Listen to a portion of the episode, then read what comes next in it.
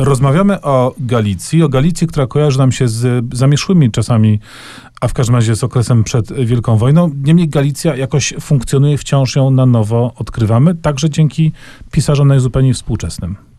Tak, ja pamiętam dokładnie ten moment, jak zaczynałem odkrywać Galicję dla siebie. Oczywiście mieszkańcy województw małopolskiego czy podkarpackiego wyśmienicie wiedzą, czym jest Galicja i czym była, co Bo ważniejsze. musisz się przyznać teraz publicznie, że jesteś warszawiakiem. Tak, ja jestem e, z odległego północnego miasta rzeczywiście i przyjechałem do Galicji jakiś czas temu. Natomiast Galicję zacząłem na swoje potrzeby odkrywać na przełomie lat 80. i 90. pacholęciem będąc. Nie zgadnę, kupiłeś sobie atlas geograficzny. Nie, nie tak było. Otóż e, podróżowałem dość intensywnie po wschodnich Karpatach pod tytułem Beskidy Niskie i Bieszczady i tam po raz pierwszy zetknąłem się z namacalnym dziedzictwem galicyjskiej kultury w postaci a to starych cerkiewek, a to tylko fundamentów po starych cerkiewkach, a to opowieści. I w tych opowieściach to magiczne słowo pod tytułem Galicja przewijało się co i róż. Dlatego też bardzo bliska jest mi książka Andrzeja Stasiuka Biały Kruk, bo opowiada ona historię nie do końca o odkrywaniu Galicji, ale dokładnie o tej samej drodze, czyli o wypadzie z e, perelowskiej mm, Warszawy do zupełnie innego świata, do świata właśnie jakichś dziwnych Indian, którzy kiedyś siedzieli po Beskidach i Bieszczadach i których ślady i tropy do dziś są, bywają widoczne. Ja, ja z kolei pochodzę z Krakowa, więc rzeczywiście kwestia Galicji trochę inaczej mi się jawiła. Niemniej w pewnym momencie życia odkryłem pewien duet pisarski, który z, zdefiniował takie kanoniczne podejście do krakowskości i do galicyjskości w, szerokim, w szerszym słowa tego znaczeniu.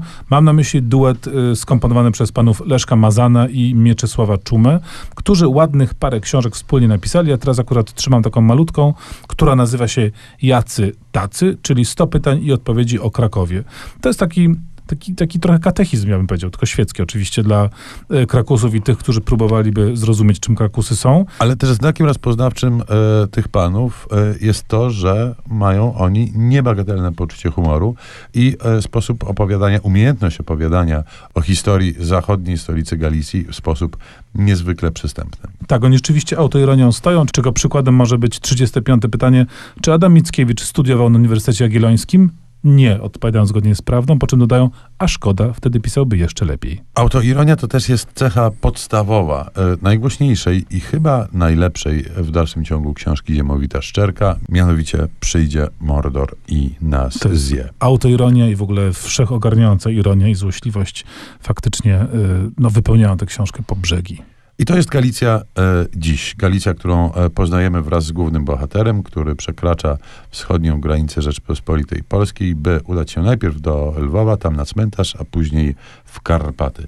No i jest to taka podróż mm, hmm, śmierdząca jakimś dziwnym słowiańskim postkolonializmem, chciałoby się e, powiedzieć.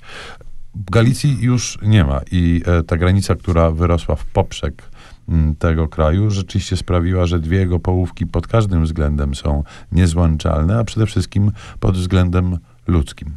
E, No a przy tym jest to książka napisana e, czystą szczerkowszczyzną. Jest zabawna, wartka, taki esencjonalny szczerek. No tak, tylko że ona jest zabawna, wartka, zarazem naprawdę dająca do myślenia, bo jest to pełna pasji, polemika z pewnymi takimi myślowymi przyzwyczajeniami, czyli jest to zabawne, ale drapieżne i, i te pazury krytyczno-obserwacyjne Szczerka są naprawdę tam wyostrzone. I na koniec, drodzy Państwo, wbrew Szczerkowi, smętnie, sentymentalnie i nostalgicznie. I lekko Bał- bałkańsko. Galicyjsko-bałkańskie medley, a więc Ederlezi w wykonaniu zespołu Krokę i Nigela Kennedy'ego.